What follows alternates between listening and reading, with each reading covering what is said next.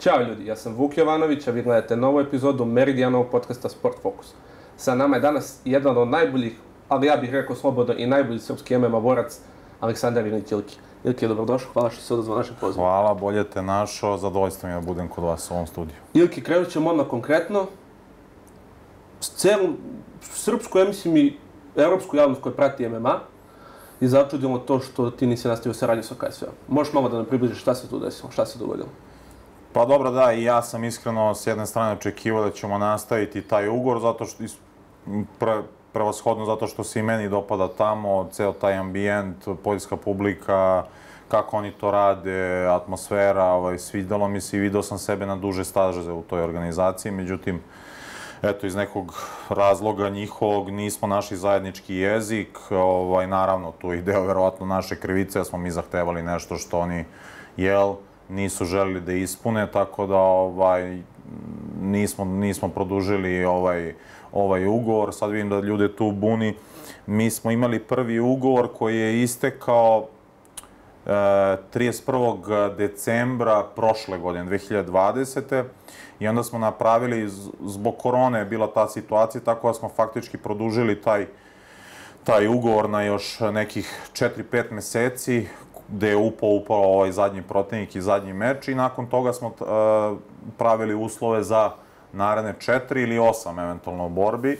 Međutim, ovaj, oni su, ja ne mogu da kažem, oni su poslali uh, dobar ugovor, ali su insistirali na, ovaj, ja to sad već mogu i da otkrijem, oni su insistirali na revanšu sa Damjanom Janikovskim, ali iskreno po meni za mm, neke pare koje su ono, mislim da bi samo ludak potpisao taj, taj ugovor, jer uh, ja sam njega pobedio u tom prvom meču i ja nemam nikakvu neku matematiku zašto bi mu dao taj revanš, jer taj revanš mene ne gura nigde dalje, sem neku finansijsku korist, jel, da se naplatim. Tako da, ovaj, ako on treba da uzme, ako on prvi put uze od mene deset puta više novca, da ne ulazim sad direktno u financije, a sada treba da uzme četiri puta više novca od mene, ja mislim da to nije realno a znam da njemu nije do novca, njemu je, jel, samo da se tako žargonski izrazim, osveti, da bi oni njega i dalje gradili tu u Poljskoj, meni je to jasno, njihova politika i ostalo. Ja sam to naravno odbio, znači ako ne poštuješ svoj ono, lični integritet i ne poštuješ sebe, ne možeš ni da prosperiraš u životu. Ovaj, samo što je problem što su svi navikli nekako da mi borci iz Balkana jel, ulazimo na short notice, i generalno kad pogledaš bilo koju organizaciju, svi su ulazili na short notice, a redko ko je, ja ne znam da li je Iko ovaj, potpisao negde ugovor, uh, ono tipa potpišeš ugovor i kao je za šest meseci ćeš imati borbu. Ne, znači to su uvek neke ponude i ostale. Sad, da se razumemo, ja prvi ugovor nisam, uh, nisam ovaj, ni pregovarao jer sam samo želeo da uletim ovaj, u tu organizaciju, da, da me ljudi vide, da me upoznaju, da, da napravim jel, neki bum i onda sam razmišljao šta ja kao Srbin mogu njima da ponudim, jer ovaj, ti dolaziš na neko drugo tržište, e, znaš kakvu oni generalno publiku imaju, njihova publika se i tekako razume u MMA, bukvalno u sve, i opet oni imaju taj neki uh, ludački marketing i ceo taj ambijent, ono, po meni najbolja vizualna produkcija na svetu. Uh, E, I onda sam ja bukvalno išao na tu neku, e, da kažem, možda i težu varijantu, gde sam teo svima da izlazijem na crtu. Znači, prihvatao sam svaki short notice, da se razumemo, praktično tri short notice od četiri meča sam uradio. Janikovski je bio 3 plus 1, kad kažem plus 1, taj 1 je, to je fight week. Znači, imao sam tri nedelje da se pripremim za taj, taj meč. Za Kesika sam jedino imao 6 plus 1, da, mi, da kažem da sam imao, da sam imao više vremena. Za Materu sam imao 2 plus 1, samo dve nedelje. I zadnji meč sam praktično, to je malo čudna situacija, gde sam ja jel, ušao u pripreme, znao sam ranije da oni mene planiraju za neki kard, međutim dobio sam COVID, imao sam, do duše nisam imao neke simptome, ali jel, zbog ljudi u sali i protokola, Uh, morao sam da odležim kući tri nedelje, gde sam ja bukvalno slao dva, tri različita testa, krvne analize, sve, gde sam ja tražio da se taj event prolongira za sledeći event, oni su rekli ne može, znači ono, uzmi ili ostavi, jel? I onda ja razmišljam, ok, izgubio sam poslednji meč, ali je prošao opet dobro, taj meč sa Materlom je izazvao dosta pažnje, pokupio sam te bonuse, rekao, ajde, nisam u, u situaciji da pregovaram, odradit ću. I onda je došla ta situacija da su oni, jel, otkazali meč, to je taj moj protivnik eh, Tomaš Jakubic, međutim, bez ikakvih papira, dokumentata.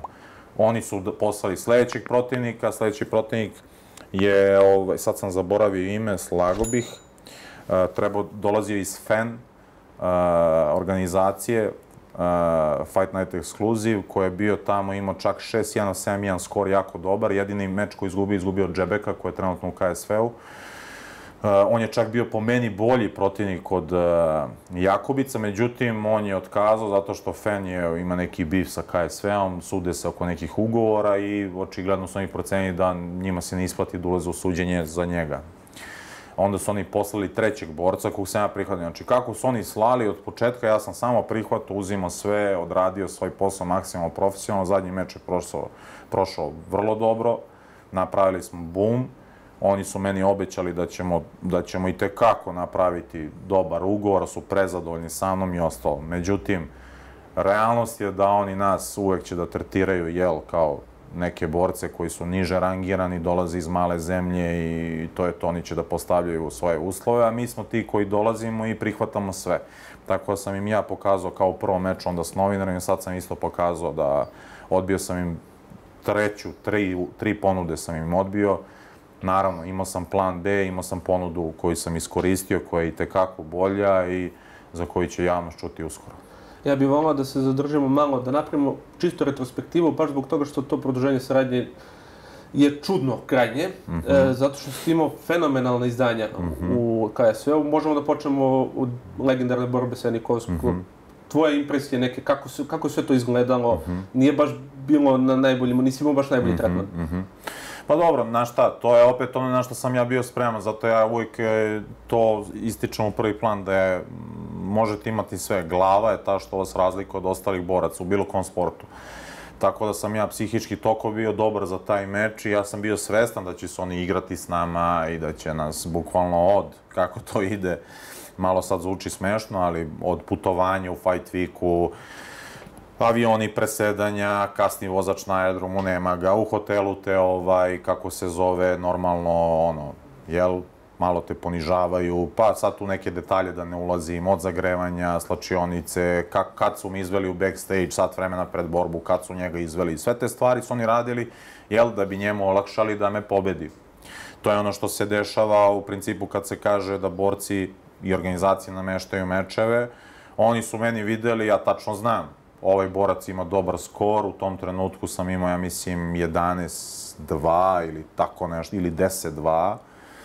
Jeli, istetoviranje, poljska publika to voli, bori se atraktivno, stand-up je borac, Janikovski je snažan rvač, lagano će on to da reši, jel, njemu je trebao neki meč posle Materle i ovaj, nema šta, on je dve runde odradio to što je odradio, mi smo imali taj neki game plan, sad ja ne mogu da kažem, game plan je bio da me on masakrira dve runde i da ga ja završim treću, ali stvarno je bio game plan da ga što više istrošimo, da se on, žargonski rečeno, izdivlja dosta, da se potroši, da ostanemo mirni, fokusirani, da da idemo na tu varijantu, jer smo gledali ranije njegove meče. Međutim, on je meni iznenadio u tom meču što je on se mnogo više štekao, pod znacima navodnika. Znači, u prvoj rundi se izdivljao, u drugoj rundi je dosta tu smaro, držao poziciju sudija, čak mislim dva puta dizao na noge. Ja sam mislio da će on nastavljati da divlja, pokušavati nekim ground and poundom da, da me završi, time meni ostavljati prostor da ustajem i ostao. On je mene bukvalno lepio za pod, skupljao je bodove i ostao ali sam video između druge i treće runde da je on gotov, ono što se tiče da nije prisutan više tu, da kondiciono mnogo gori odnosu na mene i eto, pošlo mi je za rukom to što sam planirao, što sam i radio na treningu, taj question mark kick je seo, svi znaju kako je to prošlo, odjeknulo kao bomba i tu je krenuo neki moj, da kažem, uspon gde su oni videli, a od ovog momka možda i bude nešto. Znači, ovaj momak nije tu kao topovsko meso, kao što mnogi dođu, prihvate short notice, odrade jednu borbu i više ih nikad ne zovu ili ih eventualno pozovu još jednom kad njima, jel da kažem, dune.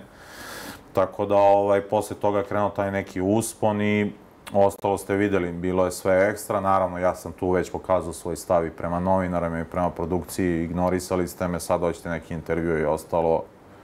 izbacio ih lepo sve iz slačionice, oni su svi bili nešto u šoku, jer to je ono što ja kažem, svi svi će da jure, svi će da jedva dočeke da dođu intervjua, da zgrabe neki ugor, neće pregovarati, daj šta daš, sve ću da prihvatim samo da budem tu, a oni te koriste i bukvalno si za njih, ono, ništa, kartonska flaša koja kad se pocepa samo te baci i samo stavi drugu, jer milion boraca ima tamo i čeka na taj ugor da dobije priliku. Postao si tada velika zvezda i onda je došlo do izražaja ovo što si baš rekao, tvoja stabilna glava. Dva poraza, dva tesna poraza, mm i opet si uspio da se izdigneš. Šta je prolazilo kroz glavu u tim momentima? Mm. Nakon drugog meča, pogotovo posle Materle, koji je isto završen sa bonusnom večer. Da.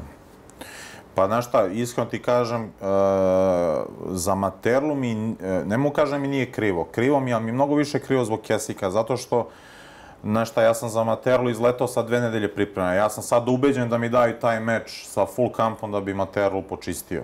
Pogotovo što i on više nije taj prime borac i uh, Ovaj, odradili su oni to kako su trebali. Ja sam imao svoju šansu koju nisam iskoristio, očigledno mi je falilo i to malo iskustva i neke stvari. Opet sam bio svestan da nisam kondicionalno spreman za 15 minuta, za dve nedelje priprema. Požurio sam da završim taj meč i to. Što se tiče Kesika, to je apsolutno moja greška u to skidanju kilograma i telo mi je blokiralo, to niko nije mogao da očekuje. I upravo mislim da sam pokazao u odnosu na Kesika i Materlu da onaj meč ne bi izgledao onako, ja to uporno pričam, ne kažem, možda bi me taj lik i pobedio, neću sada se pravim pametan, ali ne bi taj meč izgledao tako, ja sam bio bukvalno mrtav čovjek unutra posle dve minute. Znači mene, Igor je bio samo moj kondicijan trener, 10 minuta posle meča su me bukvalno izneli, ležao sam sa bocom kisonika, 10-15 minuta nisam mogao dođi do sebe. Znači, Dobar, ali to je bilo jezivo. Borac, on ima 9-0 tad u tom momentu. Za taj meč mi krivo, zato što znam da bi drugačije izgledao, jel? Za Materlu je bilo tu blizu, oni su videli da je tesno tu i sve, ali opet kažem, ja sam pokupio ta tri meča, tri bonusa, ljudi vole to i poljska publika ceni to i ovaj, stvarno kad god sam bio tamo, ti ljudi koji prate MMA to cene i vole to, taj atraktivan stil boranja, ja nikad neću doći tamo da pružim neki dosadan meč da se, ovaj, jel, što se kaže, opet žargonski grlim s nekim smaram 15 minuta, idem na neki split decision i to, znači uvek sam ovaj, ulazio tamo i nisam, nije bilo kompromisa sa mnom. Kogod je bio naspram mene, ja sam uvijek išao jel, da ga završim i da pružim dobar meč. Tako da, ovaj, mislim da ostao sam nedorečen, mislio sam da ću sa novim ugovorom jel, da postavim stvari na svoje mesto, osjećam se dosta izrelije u glavi i fizički dominantnije i kad sam došao recimo u KSV, to je ta velika razlika da te šokira, recimo ja sam skidao sa 91 kilu kad smo ušli na meč, ja sam imao nekih 89,5 kila, 90, s Janikovski, Janikovski izgledao kao, znači, ono, Transformers napisao mene. Kesik, recimo, kad smo završili uh, borbu sutradan u hotelu, čovjek je stao na vagu 102 kila. Znači, okej, okay, ždrao sam i ja veče posle toga, ja sam možda dobio 3 kile tu noć, ja sam zdrao i slatkiše i pice. Opet kako razlika je malo da, da, 10 kila. Tako da ovaj, imao sam priliku da vidim i Materlu i sve njih off-season, kad smo snimali neke vide, konferencije i ostalo. I prvi put sada sam se ostio kao pravi middleweight, jer sam sad i ja sa 98-100 kg skido na 84 i ostio sam se da i fizički ne mogu više da me dominiraju tako kao što su me dominirali, mislim da bi to bio nedostatak neki, jer to je ta razlika kada odete u neku veliku organizaciju i vidite te ljude koji skidaju po 20 kila, nerealne stvari rade, vraćaju nerealno, prespremni su na meču, imaju tim ljudi koji zna kako to radi i ostalo. I tu sam, eto, da kažem, ostane do reče, mislim da će to da bude sada, jel, da kažem, prevagnuće, neće biti 2-2, nego da ćemo napravimo baš haos sa ovim novim ugovorom, ali na kraj krajeva to je njihov izbor.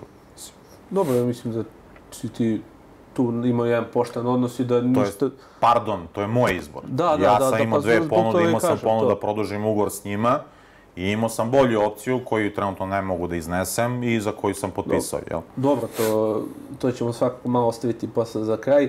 Ja bih sada volao, to smo pričali malo i pre emisije, mm -hmm da približimo ljudima koliko je teško biti MMA borac, pogotovo, ajde sada je malo lakše, zašto je to sad sve popularni sport i ljudi su, da. zahvaljujući tebi, vas i Džakiću, su nekako i sa Stošiću saznali da. u Srbiji za taj sport i sve popularni. Mm -hmm. A kako je nekada bilo kad ste vi kretali?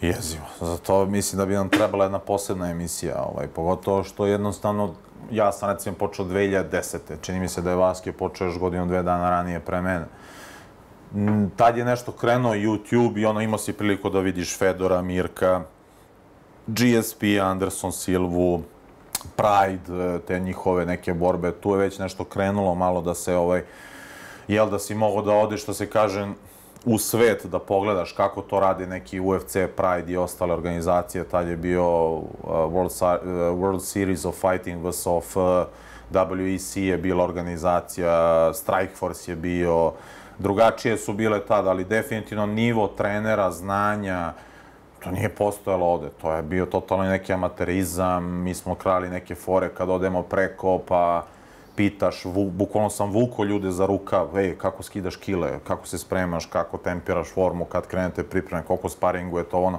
Neke sitnice na brzinu koje sam mogao da, da, da učim, neko je hteo da ti oda, neko nije. Ovaj, tako da je bilo jako teško i mislim da ovi današnji momci, bukvalno ono što smo pričali, imaju po 5-6 trenera, po dva treninga dnevno, mnogo boljih uslova, već sad svi znaju kako manje više se skidaju kilogrami, kako vraćaju, svi imaju neke svoje šablone, sisteme, kontakte sa menadžerima, lakše naći mečeve, društvene mreže koje te opet dižu na neku platformu, da se ti prezentuješ ljudima, da lakše nađeš sponzore, to je tada bilo bukvalno jako teško sve. Da li misliš da bi imao bolju karijeru da si imao nekog Vasu ili Jokera tad, ili neki fight company koji je počeo malo lošije sa rezultatima, ali sada je napreduje nenormalnom brzinom. Sigurno, apsolutno sigurno. Vremena se menjaju, to je apsolutno i normalno. S jedne strane smo mi, da kažem, pioniri tog MMA sporta, jer ljudi ranije koji su trenirali, neki stariji borci od nas, e, su, dosta su radili taj Gidrin turnir, neke turnire, nije bilo MMA saveza, nisu bila jasno izdefinisana pravila, još je u nekim zemljama to bilo zabranjeno, Uh, skoro recimo Francuska dozvolila MMA, oni su dugo, dugo branili taj sport. Kod nas je bio jedno vreme pod zabranom. Tako da slobodno mogu kažem da generacija moja, ta neka boraca, plejada boraca koja je izašla tada od 2010. na ovamo, smo upravo pioniri tog modernog MMA doba i posle sa dolaskom MMA saveza, amaterskih turnira, nečega, su ljudi ipak uvideli da je ovo zapravo sport, jel, kako smo i mi sve vreme pričali, prezentovali ga. Sad spomenuo si odlučnu stvar, rekao si MMA je zapravo sport. Mm. Ljudi su ranije uvek imali neku verziju mm. prema tome jer kao nasilje nije Da, dobro. E, to sam pitao i Vasu. Koliko dece je počelo zbog tebe da trenira? A da ti znaš da su ti se javili, pošto imaš veoma veliku podršku na društvenim mrežama. Da, pa sad će to zvučati kao kliše, jel, svi bi rekli jako puno, ali stvarno jako puno. Meni dosta ljudi šalje poruke i opet kažem, nebitno da li je zbog mene ili je zbog e, nekog drugog borca s našeg podneva, ali stvarno smo povukli dosta klinaca u salu, svi mi zajedno, sad da li je neko više, neko manje, neko ima manji uticaj, neko veći, to je sve nešto normalno, ovaj, izuzetno mi je drago zbog toga i stvarno ovaj, imamo veliku podršku, često se ljudi javljaju, počinju da treniraju, traže savete, traže pomoć, e, pitaju šta bi mogli, kako bi mogli. Često ono, jao, nemam uslove, nemam klub, šta da radim, da li da krenemo. Mislim, nismo ni mi imali klub. Ono, danas ljudi bukvalno ako nemaju dobru opremu za trening, neće da treniraju. Znaš, to je ono smešno, recimo jedan Habib što ono kažu DC dolazi ono bukvalno šort za plažu i ono neka polo majica ono iscepana na trening, kakva crna oprema brendirana ono neka u, sportskom izdanju, to je bilo Pa nebitno. Vaso je rekao zanimljivu stvar da, je, da su oni, u stvari Đakić mislim, da su vežbali da preskaču vijaču na prazno. Da nije, da nije bilo Ljudi su se snalazili, to je to da se razumemo, znaš, ono, sad, uh, opet kažem, ono, sad je sve to mnogo i dostupnije i pristupačnije i da se naruči preko interneta neke stvari ili da ti neko pošalje iz inostranstva i ostalo, to je sve ranije bilo teško, ali ključ svega je kvalitet, znači uvek treba ići za kvalitetom, pa makar i u neku šupu, bez uslova, nego za nekim uslovima fancy, a da nemate trenere, da nemate prave sparring partnere, prave prijatelje koji će vam pomoći, gurati vas i biti tu s vama kao tim. da zaključimo samo priču sa KSV-om koja je povezana sa ovom podrškom Mhm. na društvenim mrežama. Kada se saznalo da nećeš produžiti saradnju sa KSV-om, to je gomila Mm. poruka, gomila poruka podrške.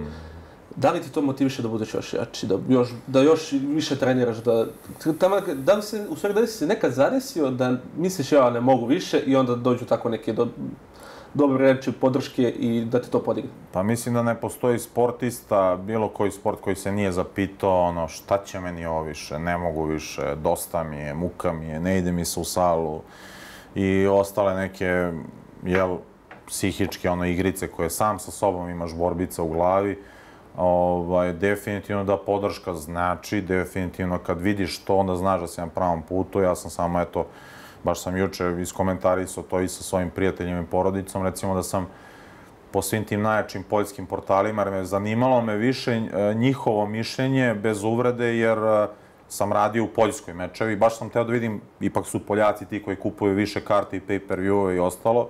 Mi tu nemamo još kulturu da kupujemo pay-per-view i ostalo. Navikli smo na pirateriju, na linkove i ostalo. Ja to razumem na kraj krajeva. Ovaj, uh, I baš me zanimalo u tih 4-5 najjačih poljskih medija, portala za MMA, sport i ostalo, kakvi su komentari. I bukvalno sam se iznenadio, sam se iskreno, 90% komentara je bilo vrhunskih na moju stranu, gde su ljudi popljivali KSV da eto, za njih je sramota, da oni plaćaju neke freak show, neke bilderice, borbe, neke nerealne ljude plaćaju i ostalo da nemaju novca recimo za mene da me zadrže, jer ovde se samo dešava o novcu. I onda kad sam ja vidio te dobre komentare, onda znam da sebe nisam precenio, znam da nisam nešto tražio nerealno i ovaj, onda mi je jako drago da je mnogo poljskih poru, po, mnogo Poljaka mi je slalo poruke ovaj, podrške i da će nastaviti da me prati bilo gde da se borim i na kraj krajeva ja bi jednog dana volao i da se vratim tamo, zašto da ne, ovaj, nemam ja ništa protiv, naravno, to je jednostavno stvar biznisa danas, jer ja imam 32 godine, sledeće godine već 33 ako se potpiše ugovor s KSL na dve godine ili na četiri, ja moram imati neku jel materijalnu sigurnost, da znam zašto radim, da mogu deci obezbediti neki stan, neki posao, nešto da se pokrene, jer ne mogu se boriti, jel, ceo život. I što bi rekao, Mirko Krokap, nemojte dozvoliti da radite na vratima nakon karijere. 100%. Kako se boriš sa hejterima?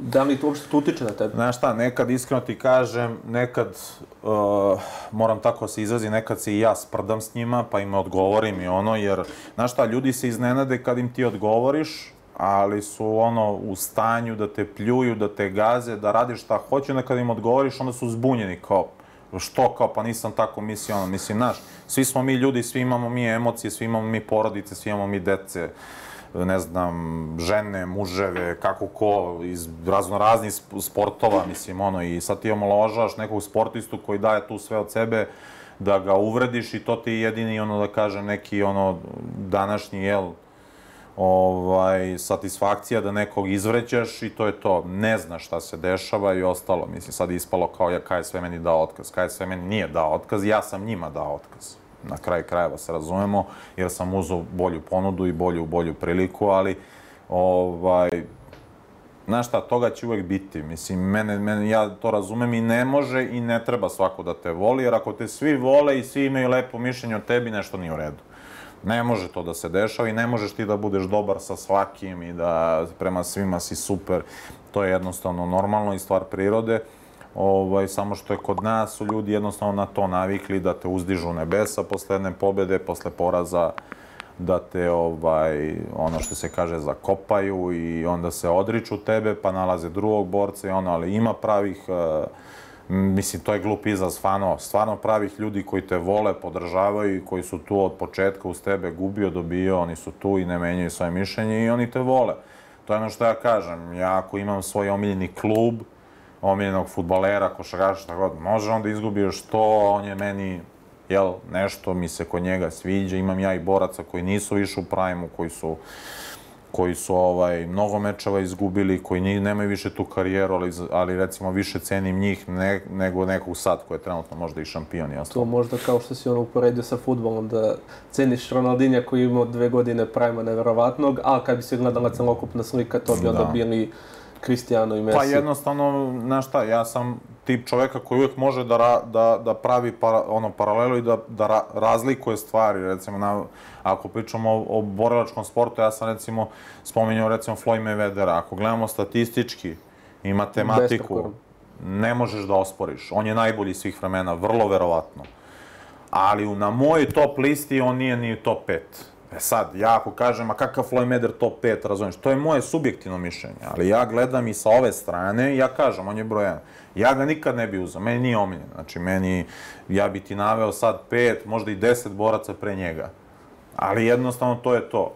koji nisu tako medijski ispećeni. Ja bih te sad zamolio, naravno ako imaš volje, da ovu krušku krstiš kao i Vasa. ja ću, čekaj, ja ću kao dobro... Jel moram da skinem bubicu sad ili da ostavim? Pa stavi samo Čekaj, da... ili da je To, zakačim, to a? samo. Pazi, Vasa se nije obrukao, čak imao je šo, svoj show udaranja glavom. Moram da skinem, ne, ja neću da udaram glavom jer to ipak ostavljam za psiho challenge. Na, o, da, Ovaj. Zar nije tu ugasio? Zar Ali nije probat- ugašeno? A? Zar nije psiho challenge? Psiho challenge je ugašen zvanično. E, e, Može da se proba sa. Samo da vidimo sa režijom, može. Sad ću ja da nestaknem. E, može, Koski. Može, može. Ajde, Ilki, u pan. Sunce ti poljubi. Pokvarino. Dosta. Jedno, dosta. Dosta. Dosta, Hoćeš još jednom ili nećeš? To nema potrebe. E, evo samo to. da, režija vrati to, kako si. Pokvari čovjek. Sad, sad mi je žao, moram, moramo da nađemo da vidimo koliko je vas udario, da vidimo, da uporedimo, nismo upisali. Ali on je glavom, to se ne, Ne, ne, računa. prvo je rukom. A, dobro. Prvo i rukom, nego je za fanove... Znači, čisto samo da Ako ponovimo... Dario više od mene da ponovim. E, ne, ne znamo, sad moramo to da vidimo posle. E, čisto samo da ponovimo, znači, ponuda već ima na- u kojoj ne smeš da pričaš, ali Naravno. već to je sve gotovo. Naravno. Ja se nadam da ćeš sledeći put kad budeš došao, da ćemo to moći da... Nisam ja tip koji nema plan B i opciju B nikad. Pa i to si pokazalo, ovo je mali znak pažnje, zato E, što si pristao da ovdje budeš naše emisije. Hvala puno. I nadam se da ćemo ovako divno sarađivati i da ćemo imati priliku da to u skorije vreme ugostimo, nadam se, nakon neke velike pobjede u toj organizaciji. tebi, hvala tebi još jednom na pozivu. Nadam se da će se vašim i mojim pratiocima svidjeti ovaj intervju. Vidimo se. I svako dobro u narednoj karijeri. Ljudi, to bi bilo to za ovu emisiju. Vi obavezno like, share, subscribe, a mi se vidimo i naredne nedelje. Veliki pozdrav!